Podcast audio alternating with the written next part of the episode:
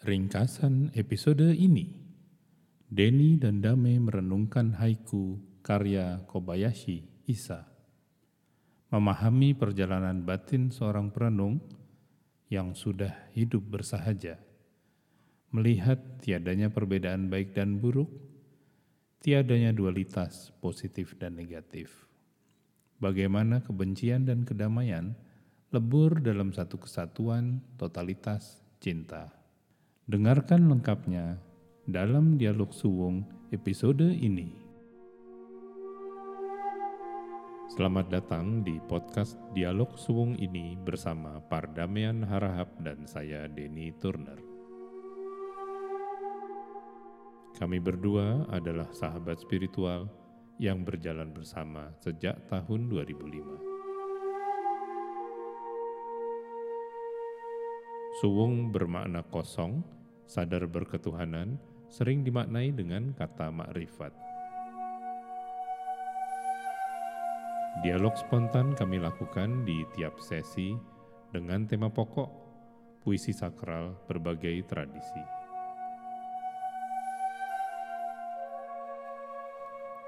Dialog suwung ini dihadiahkan kepada Anda semua sesama pejalan, sesama perindu Tuhan.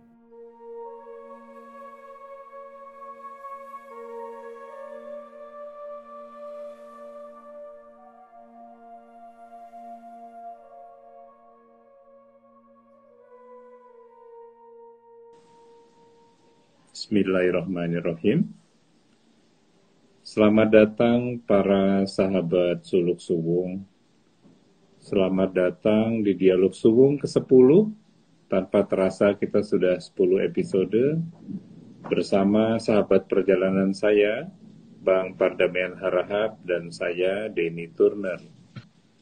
Hari ini kita akan membahas haiku karya Kobayashi Isa yang dipilihkan oleh Bang Dame. Saya akan bacakan haiku ini ringkas. Dalam gubukku, tikus dan kunang-kunang saling berteman. Silahkan Bang Dame, barangkali bisa dimulai dulu. Iya, iya. Oke, terima kasih Mas Denny. Bismillahirrahmanirrahim. Dengan nama Allah yang Maha Pengasih dan Penyayang. Assalamualaikum warahmatullahi wabarakatuh. Semoga suara saya bagus. Suaranya oke okay ya Mas ya? Jelas, jelas sekali. Oke, okay, oke. Okay. Alhamdulillah segala puji dan syukur kita haturan kepada Allah.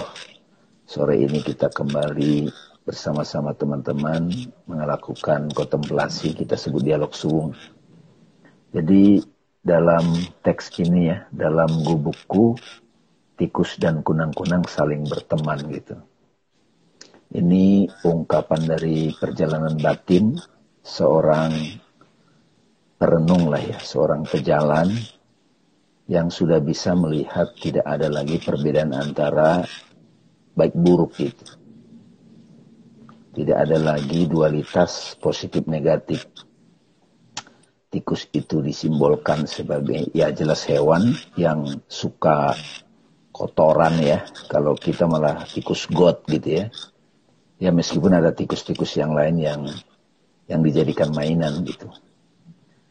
Terus kunang-kunang itu simbol dari cahaya ya, cahaya yang sudah ingin kembali ke asalnya gitu. Kalau dalam pandangan saya gitu Mas Denny.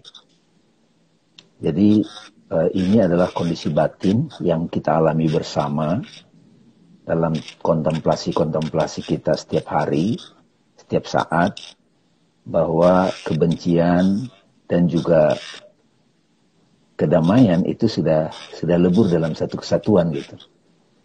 Cinta, keindahan itu sudah dileburkan dalam satu realitas dengan termasuk yang kita tolak gitu. Kira-kira begitu Mas Dini sederhananya. Saya memilih ini karena di sini Mas Dini kan ngulasnya kan haiku ini beresonasi dengan suluk ya. Jadi ini menggambarkan tauhid dalam konteks yang agak vulgar nih sebetulnya teman-teman. Di antara kita kan kalau melihat tikus, tikus gitu, itu ada yang ketakutan gitu, terus juga malah kabur. Ada orang yang trauma dengan tikus. Ya tikus kantor aja seperti lagu Iwan Fals itu kan disimbolkan dengan orang yang mengambil harta rakyat gitu ya.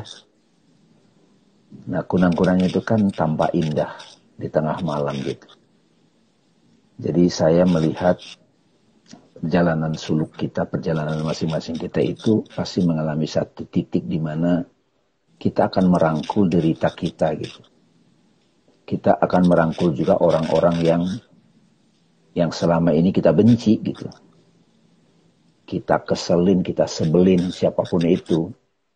Apakah itu namanya ya kadang sahabat, kok dia menyakiti aku gitu. Selama ini kita anggap dia sebagai tikus dalam hidup kita Terus ada yang kunang-kunang, ya orang-orang yang selalu memberikan kesejukan, keindahan pada kita gitu.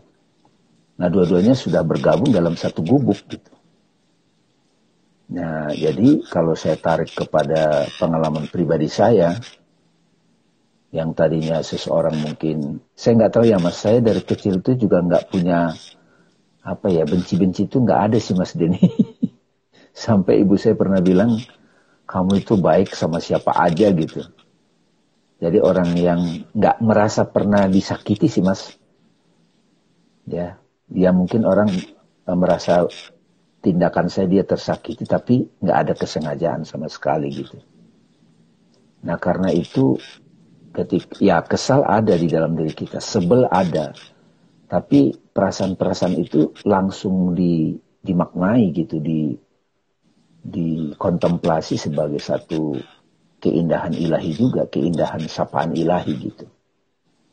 Nah, ini pendek tetapi ini langsung jelek, langsung terasa dalam kehidupan kita gitu. Jadi Kobayashi ya namanya. Kobayashi Isa beliau itu pasti sudah bisa berdamai dengan orang-orang yang pernah menjadi tanda petik tikus dalam hidupnya gitu. Kan Ini saya mau nyambung ya Bang dari situ. Hmm. Tadi uh, yang saya tangkap itu pertama-tama yang langsung jelek itu adalah beliau menuliskan dalam gubukku. Hmm. Bahkan dia tidak menyebut dalam rumahku. Hmm ini adalah yang saya maknai ini suatu kesederhanaan yang brutal gitu. Hmm. Dalam pengertian gubuk itu kan betul-betul tempat bernaung, sederhana sekali. Hmm. Yang saya hayati itu berarti Kobayashi Isa ini sudah sedemikian humble-nya, sedemikian rendah hatinya, dan ini bisa kita tiru ini, yaitu gubuk itu kan nggak ada perabot, nggak ada kemewahan. Itu saya maknai sebagai diri yang udah bebas dari berbagai keinginan. Hmm. Diri yang sudah apa adanya. Diri yang sudah fakir. Yang dibutuhkan hmm. cuma Tuhan aja gitu. Jadi bahkan gubuk pun sudah cukup untuk saya berteduh. Ini hmm. sekaligus tamparan untuk saya pribadi. Karena sering kali di dalam kehidupan sehari-hari kan kita punya dualitas ya. Hmm. Antara ingin bersujud kepada Tuhan, sambil masih juga kadang pusing nih mikir yang duniawi gimana nih. Masalah pendapatan misalnya, masalah pekerjaan misalnya, dan banyak lagi hal yang lain-lain yang sebetulnya itu macam perabot kan di dalam hmm. rumah kita. Yang hmm. kalau kita hayati betul, hal-hal itu sebetulnya semua kan numpang lewat. Hmm. Dan yang kedua Bang, yang tadi Bang Dame sebutkan bahwa ini juga melampangkan orang yang sudah tidak lagi melihat baik dan buruk. Saya juga manai ini bahwa tidak ada dualitas juga seperti Bang Damai tadi bilang tidak ada pertentangan lagi antara nalar dengan kalbunya. Hmm. Yang saya mau bahas dengan Bang Dewi begini, kalau tadi tikus itu saya juga maknai sebagai pikiran yang masih sibuk melompat ke depan, pikiran yang masih sibuk melompat ke masa lalu gitu. Hmm. What if, what if, what if khawatir. Kemudian juga sesal, sesal, sesal karena melihat ke masa lalu nggak pernah tenang aja terus saja gitu kan gerak tikus kan gitu. Hmm. Sementara kunang-kunang ini saya maknai sebagai nur gitu ya. Hmm. Titik cahaya ya. Titik cahaya yang, yang dia itu selalu cenderung terbang ke atas kan? Yes bang. Nah ini silahkan bang, ini kita olah gitu ya. Saya saya interest sekali nih teman-teman ya, uh, clue dari Mas Denny. Pertama mengenai gubuk. Kenapa enggak dia disebut rumah gitu ya, tapi gubuk ya. Emang gubuk ya Mas ya? Iya. Ya kalau kita digubukkan itu pasti sempit lah ya. Jadi tidak ada cuma satu ruangan gitu. Kalau di apartemen itu studio lah gitu modelnya kan gitu gubuk gue gitu ya. Nah gubuk itu berarti semuanya udah di sana gitu. Nah orang yang jiwanya sudah menerima gubuk, maka ya dualitas yang bertentangan itu jadi berteman di situ jadinya. Ingat ini mas, life of pi gitu ya, tahu kan life of pi jadi film Life of Pi itu kan dia terdam apa, oh, tenggelam kapalnya, dia jadi bersama harimau gitu ya, satu kapal. Ya di satu kapal itu mau bagaimana lagi gitu ya. gitu ya. Jadi makasih tuh Mas Denny. Jadi jiwa yang sudah menerima gubuk itu akan mudah merangkul atau ya dualitas itu jadi teman gitu loh. Bayangkan sosok karakter tikus dengan karakter kunang-kunang gitu. Itu satu. Itu kan kalau masih horizontal.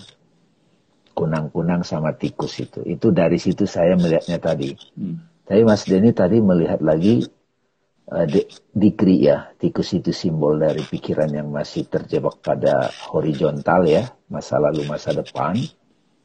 Kalau kunang-kunang itu sudah mulai transenden. Jadi kunang-kunang itu simbol dari dia kan cahaya ya, cahaya yang kelap-kelip. Dalam setiap peristiwa, jiwa kunang-kunang itu akan selalu fokus pada cahayanya gitu. Kalau tikus itu kan desire, dapat, dapat, dapat ini, dapat itu. Pokoknya aktif banget gitu ya tikus ya. Iya. Jadi jadi pikiran kita yang aktif sana, aktif sini, ingin ini, ingin itu, ingin itu, ya, ya itu tikus gitu. Kalau kunang-kunang itu, apa pun yang terjadi sudah dilihat sebagai titik cahaya gitu, sign of God. Dan Ina, ada satu clue lagi bang, bahwa Isa itu menulis saling berteman. Ya, saling berteman. Jadi, Jadi tidak ada pertentangan, tidak ada yes. tarik-tarikan, tidak ada yes. dominasi, yeah. tapi di dalam gubuk, di dalam eksistensi kita sehari-hari itu, ya udahlah. Kalau memang lagi ada pikiran yang memburu ke masa depan, khawatir, atau ada pikiran yang mengenang masa lalu, ya sudah, berteman sajalah dengan awareness-nya. Jadi di sini bagi saya Isa ini dengan sangat sederhana dan indah itu menggambarkan perjalanan suluk keseharian yang hmm. mana dia juga memberikan sebuah kunci bagi saya kamu nggak usah pusing deh mau yang horizontal istilah Bang Dame tadi mau yang vertikal jalanin aja orang itu temen kok Jadi, itu sama deh iya, sama dengan ini Ya, uh, itu teman-teman. Jadi kan banyak tuh kita lihat uh, situasi batin kita teman-teman. Saling berteman itu clue juga tuh. Tikus itu menggambarkan pikiran desire ya, desire. Kalau kunang-kunang itu sudah mulai cahaya ya, bercahaya, kolbu gitu. Tetapi kata dia, dia saling berteman. Nah itu mirip seperti salah satu yang saya dengar dari guru ya, guru yang pernah menerangkan ayat ini Mas Deni. Walillahil masyriku walillahil maghribu. Fa'aina matuwallu fasama wajhullah. Surat 2 Al-Baqarah 115. Timur dan barat milik Allah. Milik di situ itu bukan maksudnya ya kayak kita memiliki handphone bukan. Kalau milik Allah itu berarti dia ada di situ. Dia bersama. Walillahil masyrik. Masyrik itu kunang-kunang istimewa. Cahaya, timur. Timur kan cahaya, masyrik. Maghrib, tenggelamnya cahaya. Berarti material. Di level spiritual dan di level material, itu dia ada, Tuhan ada. Itu milik dia juga. Karena itu milik dia, dia ada di situ maka fa'aina matuallu fasama wajhullah. Ke mana pun kamu menghadap, di sana wajah Allah gitu. Jadi di di desire itu juga ada wajah Allah. Di keinginan yang, nah ini ini ini, ini paradoknya nih Mas Denny nih, ya makanya ini luar biasa. Kalau pejalan yang baru pemula, dia menghindari desire kan, Betul. Dia menolak sesuatu yang sifatnya duniawi gitu ya. Hmm. Hmm. Tapi kalau sudah sampai pada kontemplasi kabayasi ini, desire itu pun sebetulnya sudah dia rangkul gitu. Gitu. Ini ya. saya jadi ingat uh, uh, ada dua hal jadinya bang. Kalau saya tadi teruskan, pemikiran Bang Dame, artinya ini sudah effortless. Hmm. Artinya perjalanan untuk berkesadaran ini udah nggak pakai usaha lagi. Maka yang kedua saya jadi ingat waktu kita ikut retreatnya Francis Lucille. Hmm. Kan ada peserta yang tanya ke dia, saya kok kalau lagi meditasi mendadak ngantuk, saya harus apa? Lalu Lusil jawab, kalau ngantuk tidur. iya betul. Iya kan? Ini kan mirip lah seperti itu. Jadi kita tidak perlu fight hmm. karena Allah itu dalam segala bentuk apakah tikus ataukah kunang-kunang itu sebetulnya kan derivatif Tuhan semua. Kitanya yang punya kecenderungan pilih-pilih kan gitu ya bang. Iya betul. Padahal betul. kalau tempatnya itu udah gubuk sekecil itu, mau pilih-pilih gimana? iya, iya. Ke sana kena tikus. Ke sini tikusnya ikut ke sini lagi, mau gimana gitu. Jadi di sini yang sangat lembut sebetulnya isyarat dari Kobayashi Isa ini untuk udah ngalir aja. Dan ini kan zen banget gitu ya. Iya zen banget itu. Kalau jadi pas apa itu enlighten gitu pencerahan orang zen kan bilang kalau lapar makan. Kalau haus minum. Gitu kan. Kalau yeah. ngantuk tidur gitu. Yeah. nah itu benar itu teman-teman itu. Jadi saya sendiri kadang suka ngasih tahu ke sahabat yang nanya ya Bang Nami gimana sih meditasinya sekarang? Gitu. Ya tentu saja kan ada latihan-latihan pada masa tertentu disiplin, bangun tiap malam, dua jam meditasi, sekali sebulan wirid gitu. Saya suka bilang tuh, lagi mandi, meditasi, terus minum teh gitu, terus ngerapiin tempat tidur, ngepel, cuci piring gitu-gitu. Nah itu itu kan sudah ya kalau kemarin diskusi sama Arif ya, Itu modulasi kolbu udah acceptance semua mas, acceptance. Acceptance, kemudian enjoyment, lalu antusiasme gitu, antusias. Nah ini Tapi saya mau nyambung nih bang. Hmm. Ini yang barusan saya renungkan dan nyambung dengan Bang Dame yaitu acceptance. Hmm. Kalau saya terjemahkan acceptance itu kan berarti derajat jiwa mutmainah. Rodia, udah nyampe eh, rodia malah. malah udah lebih tinggi. Hmm. Hmm. Nah, untuk bisa ke rodia itu kalau mengikuti Isa ya, itu effortless sebetulnya. Iya, iya. Jadi bukan kalau dulu saya kan nganggapnya waduh yeah. aku harus struggle nih gimana ya Kapan supaya... ya, kapan nih untuk mencapai iya. rodia gitu ya. gue masih amaroh nih. Gimana ya gue bisa nyampe ke lawama, habis itu bisa naik kelas lagi ke mulhama, naik lagi mutmainah. Kapan nyampe rodiahnya? Namun hmm. kalau dari haiku ini ya udah itu kebuka sendiri. Kan itu sebuah gift yang luar biasa gitu ya bang ya. Hmm. bahwa rahasianya untuk bisa accept itu justru dengan ya udah.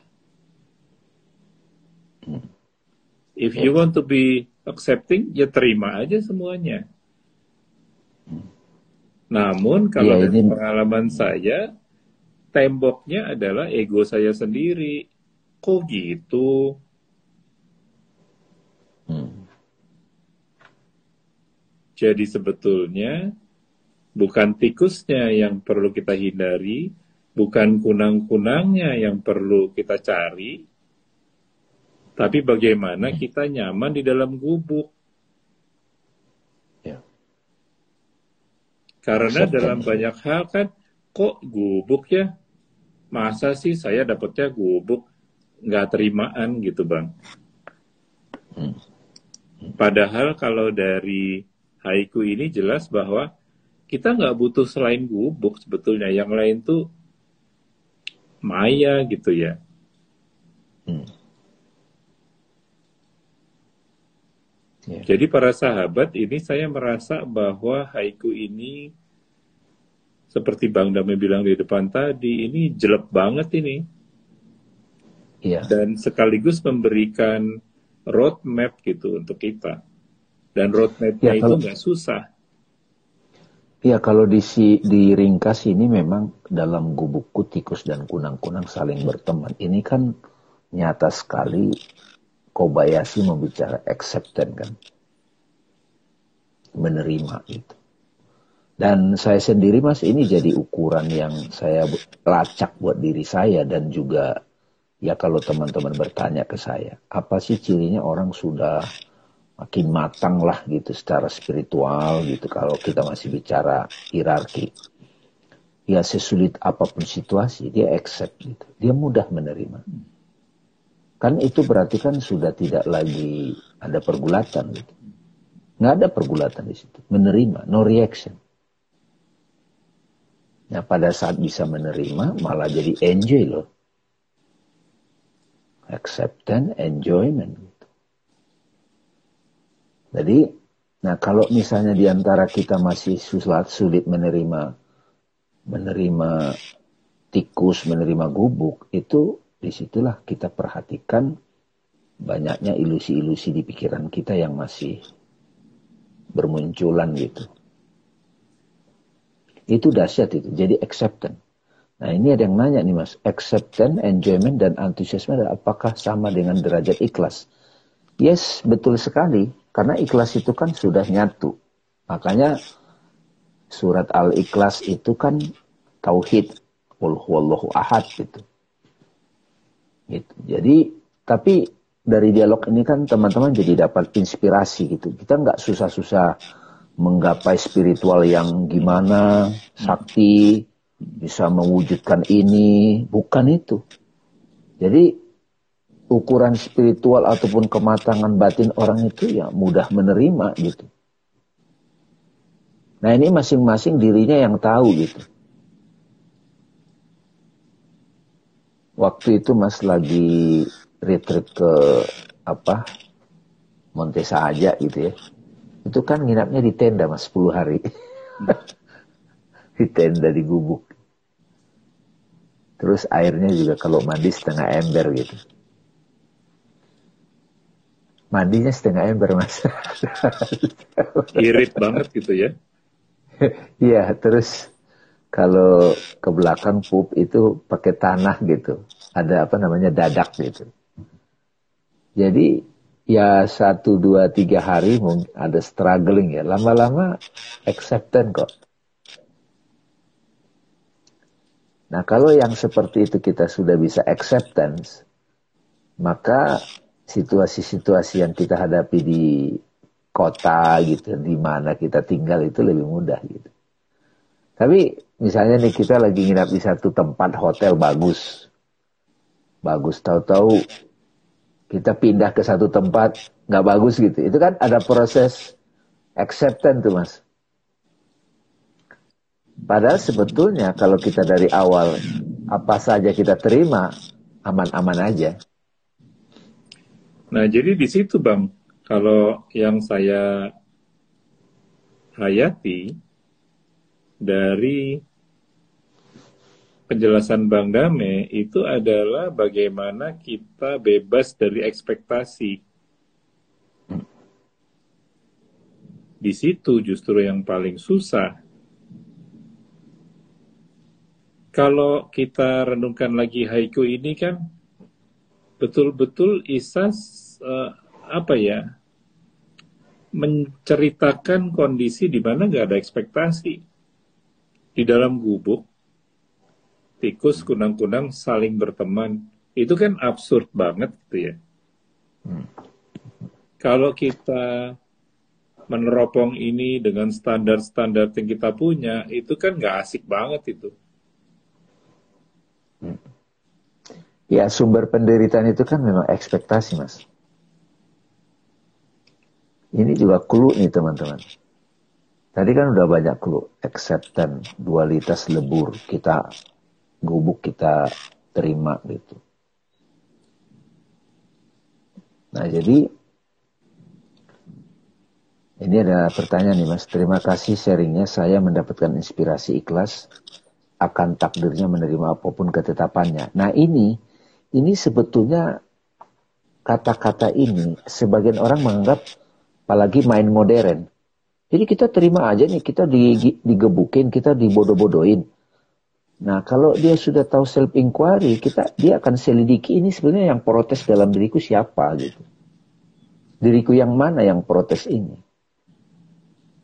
Jadi ungkapan dalam gubuk tikus dan kunang-kunang itu saling berteman itu memang sudah sudah kolbu banget gitu, sudah sudah lebur dalam kesatuan dengan divine gitu, keilahian. Nah, di, di Islam sendiri kan nama Islam itu sendiri kan surrender, damai dan surrender. Gitu. Ini saya mau nyambung nih komentarnya Kang Denny. Selamat sore Kang nih dari Balikpapan nih. Oh, menerima iya, iya. apa pun ketetapannya itu total surrender sudah. Dan hmm. Artinya inilah yang diwakili dalam haiku tadi gitu ya. Apa pun yang ada di pikiran kita, apa pun yang ada di emosi kita, kayak tikus itu, itu berteman dengan Islam, berteman dengan peace-nya, sehingga tadi bisa accept. Acceptnya ini bukan karena terpaksa para sahabat. Hmm. Tapi karena menerima ketetapan ini menjadi apa ya defaultnya kita. Hmm. Setiap momen, apa pun ketetapan yang belum terjadi pun kita sambut. Hmm. Ini yang tadi saya maksud lepas dari ekspektasi. Ekspektasi itu biasanya nih kita pakai istilah harusnya kan begini atau kok begini. Nah lepas ekspektasi itu kita udah nggak punya lagi harusnya kok gini atau kok begini hilang. Dan inilah state-nya Isa di dalam haiku itu hilang. Gue ditaruh di gubuk. Ada tikus, ada kunang-kunang, ya udah temenan aja semua. Hmm. Makanya Mas Denny banyak orang di penjara itu kalau dia bisa menghayati kata-kata Isa Kobayashi ini itu dapat dapat itu tuh ya kebangkitan rohani itu.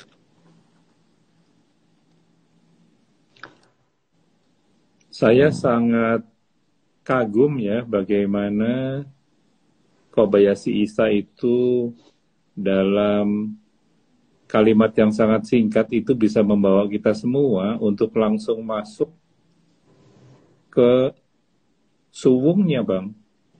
Hmm. Jadi hmm. kita tidak lagi muter-muter atau jalan yang susah. Dia langsung ngajak, udah nih ya, ini aja langsung enak kok. Sementara kita yang modern main kan terbiasa dengan achievement gitu kan. Hmm. Apalagi kalau kita gamer gitu. Senangnya kan dari level 1, level 2, level 3, level 4. Nah di sini kita disadarkan bahwa perjalanan batin tuh nggak pakai level para sahabat Meskipun Bapak kita bikin tuj meskipun kita kemarin ngomong tujuh derajat jiwa gitu ya. Iya. Karena tujuh itu sekedar bagi saya itu sekedar apa ya klasifikasi untuk membantu kita lebih gampang ngerti. Tapi bukan untuk kita lalui seperti kita main game. Tangga. Iya. Bukan seperti tangga. tangga. Di setiap detik kita bisa anywhere di yang tujuh itu. Dan itu yang dimaksud oleh Isa. Nggak apa-apa. Istilahnya ya, kalau saya lagi amaroh, ya nggak apa-apa. Temenan aja lagi yes. sama Rodiahnya. Yes. Termasuk lawama sedih gitu ya. Iya. Iya, iya, iya betul. Jadi memang gini mas, waktu waktu awal-awal menerangkan tujuh derajat jiwa itu pasti si pikiran yang dominan memahami, yaitu menganggap itu sebagai degree ya. Karena pikiran itu kan pahamnya harus ada tahapan. Padahal sebetulnya kalau sudah dihayati hakikatnya, itu semuanya adalah one self, gitu, satu self, satu diri. Gitu. Marah itu juga kita jadi terima sebagai ekspresi yang saat itu hadir, gitu, hmm. sedih. Gitu. Nah, ini sama seperti Rumi. Rumi sudah tidak lagi menolak sedih. Rumi sudah tidak menolak lagi tentang penderitaan. Dia sudah merangkul gitu. Yeah. Jadi bagi teman-teman yang masih ya kadang kemerungsung segala macam, oke okay lah saat itu. Tapi jangan lama-lama terjebak di situ. Dan itu bagian dari bunga-bunga kehidupan. Bagian dari warna-warna kehidupan gitu. Sedih, suka. Nah ini dapat juga nih. Dan kalau sudah merangkul seperti itu kan kita sudah sudah jadi space gitu. Kita sudah sangat lapang dadanya. Nggak ada lagi yang kita celak gitu. Even itu orang yang kita di, dianggap sebagai kejam, kita sudah bisa accept gitu. Ini pikiran nggak berdaya loh ini mas. Benar. Pikiran logik ini kalau sudah masuk ke penghayatan uh, puisi ini, puisi pendek ini, ini nggak masuk nih pikirannya. Jadi uh, para sahabat semua inilah yang tadi di awal sekali di dalam pembuka saya menjelaskan bahwa percakapan ini adalah dari hati ke hati. Memang betul kita pakai kalimat, tapi kalimat-kalimat ini tidak ditujukan untuk nalar. Melainkan dari kolbu ke kolbu karena kita nggak bisa telepati, ya mau nggak mau harus pakai kalimat.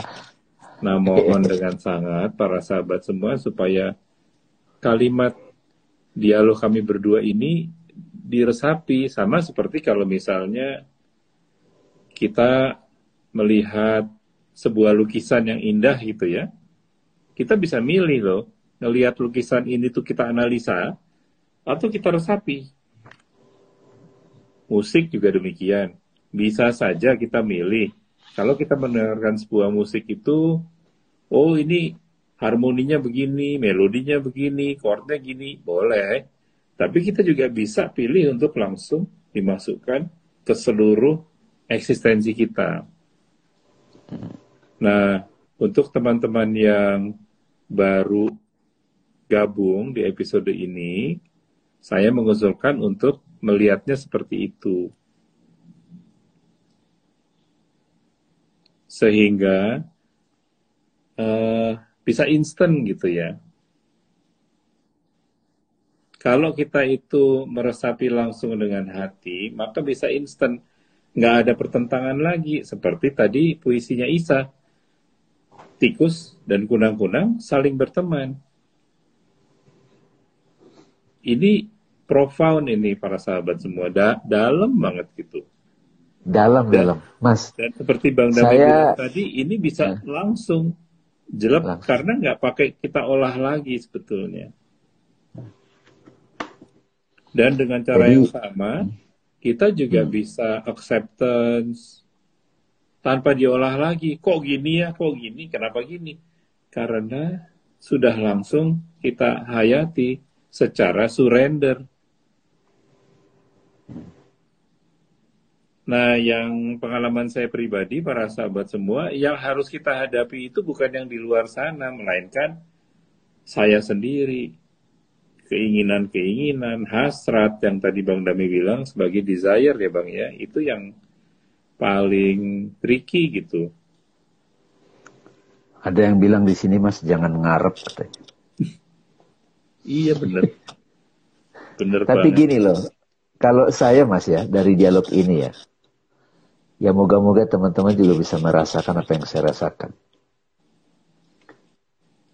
Jadi seluruh aktivitas kita itu jadi spiritual udah.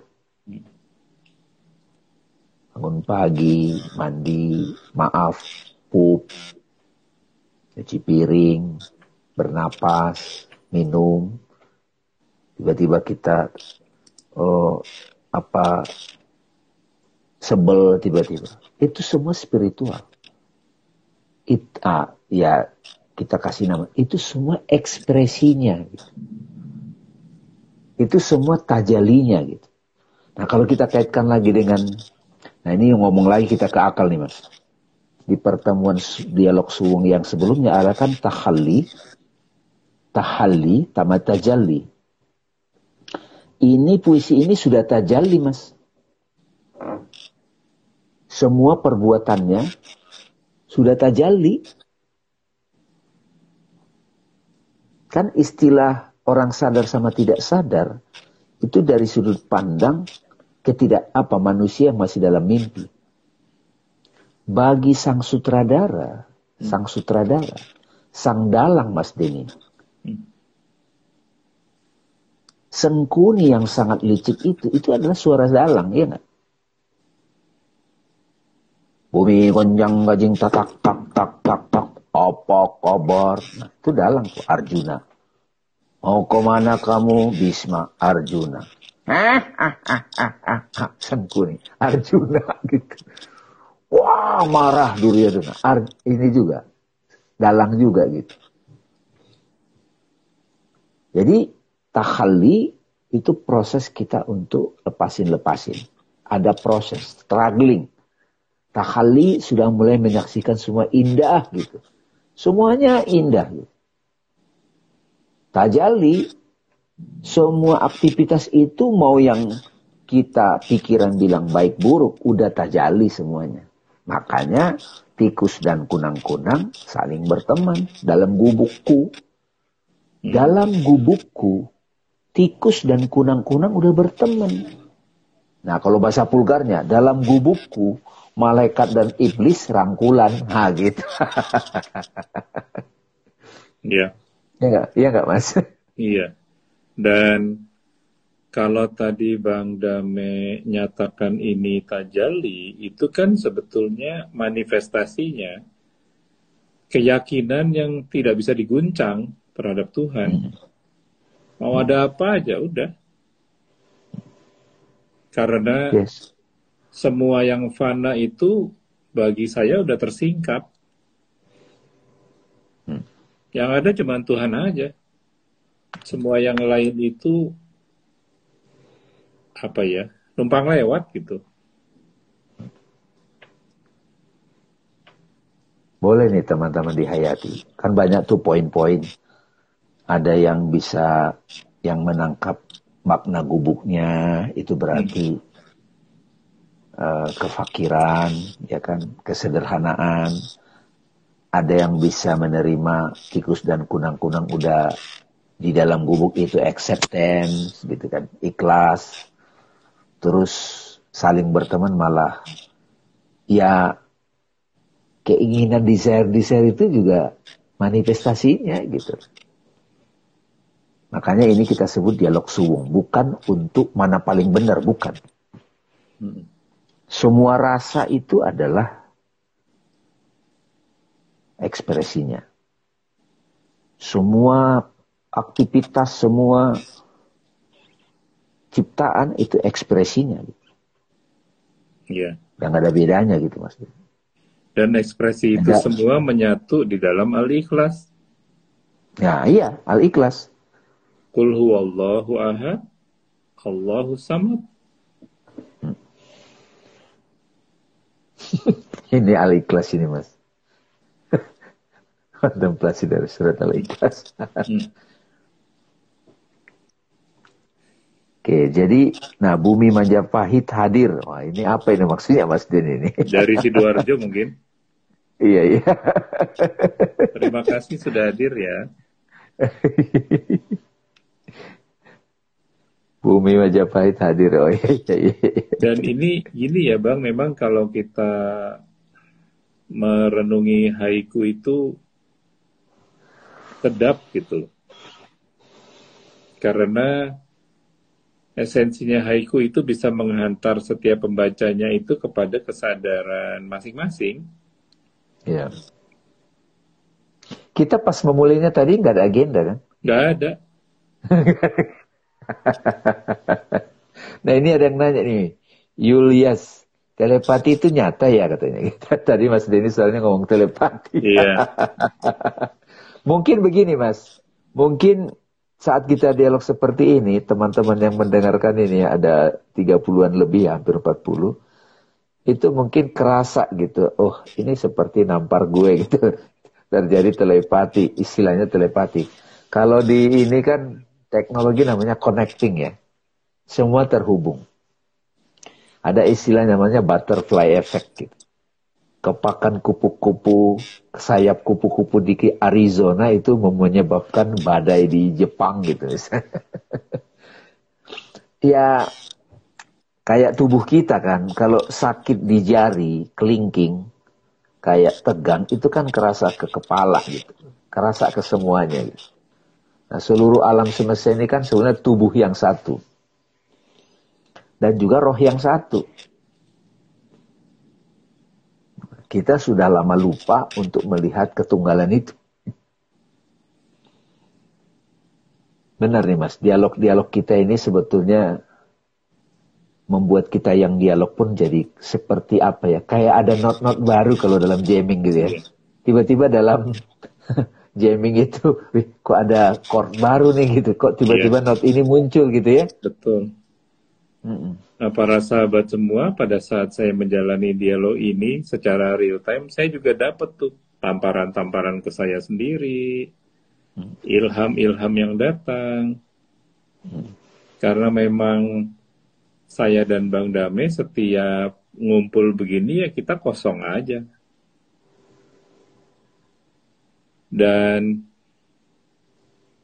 pada saat kita tadi itu membahas haikunya Kobayashi Isa itu sebetulnya pengantar saja untuk tauhid. Iya. Jadi pengantar untuk kita sama-sama bisa lebih menghayati tunduk kepada Tuhan itu yang hakiki itu seperti apa, nggak pakai aneh-aneh gitu kan. Ada Mbak Rodiani dari dari apa Jawa Timur. Kerasa banget, terima kasih. Terus ada Mbak Nini ta, apa? Wanes ya bang kata Mbak Mbak Tina dia menunggaling mantul. Nah, bisa nggak Mas Denny perspektif Mas Denny sekarang memaknai ketunggalan itu? Kalau saya bang memaknai ketunggalan itu selalu kembali ke ayat pertama Al-Ikhlas. Hmm. Ahad. Itu manakala kita sudah sirna, maka yang ada ya tinggal Allah. Dan Allah di sini yang saya maknai para sahabat bukanlah Allah sebagai objek gitu ya.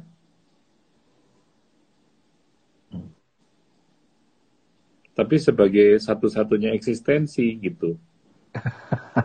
satu-satunya eksistensi. Ya, kita semua ini numpang eksis doang. Iya. Iya, iya, iya. Iya, iya. Satu-satunya eksistensi ya. Tunggal itu dalam pengertian itu yang saya hayati. Saya bersyukur karena diberi kesempatan untuk bisa mengenal itu. Mas, kalau dalam praktek kehidupan sehari-hari, uh, konsekuensi dari pemaknaan itu bagaimana, Mas Denny? Jadi saya lagi bantu teman-teman nih untuk bertanya. Ridho ya.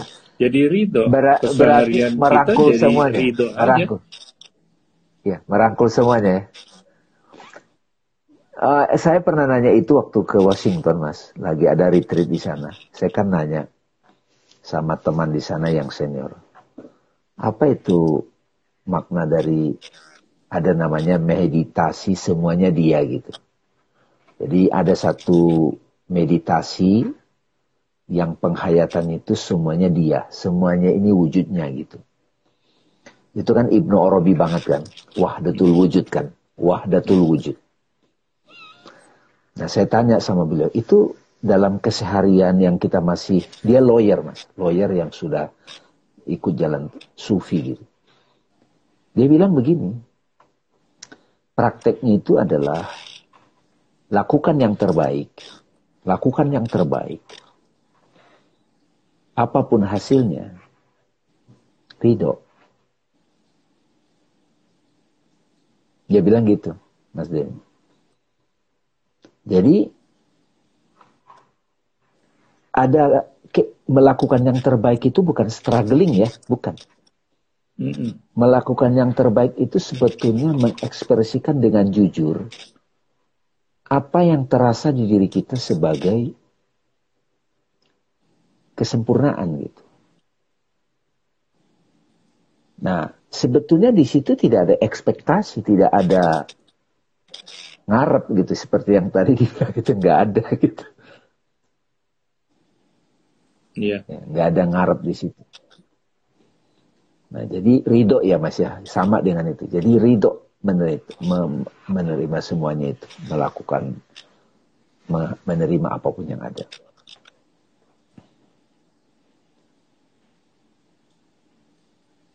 Luar biasa nih Mas, Jadi, Alhamdulillah ya. Iya. Jadi saya mendapatkan awareness nih Bang dari dialog kita sore ini bahwa manakala kita sikapi segala sesuatunya itu dengan jiwa yang tenang, itu adalah yang sebaik-sebaik yang bisa kita lakukan. Karena di dalam ketenangan tersebut itu pintu untuk kita bisa jadi ridho. Jadi sesuai dengan dengan Quran itu ya. Ya ayat Tuhan nafsu mutmainah irji'i ila rabbiki radiyatan mardiyah. Sesuai ya. Karena tuntunannya begitu ya, Bang. Iya. Iya, iya. Sekarang jadi di di, dibenarkan lah ya. Kita jadi bersaksi ya. Sodakallahul azim. Bahwa ayat itu memang urutan-urutannya itu menggambarkan kebenarannya gitu. Hakikatnya Bang Dame? Ya? Ini karena waktunya sudah sedikit lagi saya mohon Bang Dame bisa menyimpulkan dan kemudian menutup dialog kita sore ini. Oke, makasih Mas Denny. Teman-teman yang sudah mendengarkan ini sampai selesai dan kalau nanti ada yang ingin mengingat kembali, menikmati lagi, silakan didengar rekamannya. Puisi Kobayashi Isa ini yang tadi sudah dibaca menggambarkan batin yang sudah hidup sahaja gitu. Apa adanya. Dia menikmati setiap momen, dia mensyukuri setiap saat, dia menerima apa pun yang terjadi. Dan ini betul-betul pertanda bahwa kita itu sudah mencicipi surga mencicipi surga tertinggi malah kalau mau bicara tertinggi. Yaitu kita menjadi manifestasi Tuhan dalam aktivitas. Kita menjadi khalifahnya, kita menjadi image of God, imago dia. Tanpa kita ngomong saya khalifah, tetapi saya kita merasakan bahwa yang hidup itu bukan diri kita yang kita anggap selama ini yang hidup, yang bernapas, yang beraktivitas, yang mengasihi, yang menyayangi itu ternyata adalah dia gitu. Nah, moga-moga apa pun yang hadir dalam hidup kita itu kita rangkul tentu saja termasuk kalau tidak ada ketidakseimbangan kita akan merespon dengan sangat tepat gitu. Dengan pas, dengan soleh gitu. Nah, saya sendiri dari dialog ini mendapatkan banyak inspirasi dan biasanya teman-teman setelah dialog ini, ya saya sendiri akan mendengarkan ulang gitu. Kok tadi ada muncul gitu inspirasi seperti itu. Bagi teman-teman yang mendengar ini dapat satu poin itu sudah berkah banget. Kita sendiri yang dialog di sini itu akan mendapat berkah. Hmm. Nah, ungkapan-ungkapan ini bukan kesimpulan mas, tapi lebih kepada apa yang saya rasakan saat kita berdialog ini. Terima kasih teman-teman telah mendengarkan dialog ini. Semoga teman-teman dan kita semua mulai menyadari pentingnya suwung. Pentingnya batin yang selalu damai, hening dalam setiap aktivitas kita. Sampai ketemu lagi Jumat depan. Wassalamualaikum warahmatullahi wabarakatuh. Waalaikumsalam warahmatullahi Kami undur diri. Semoga dialog Suung episode ini tersampaikan dengan baik dan menjadi kebaikan.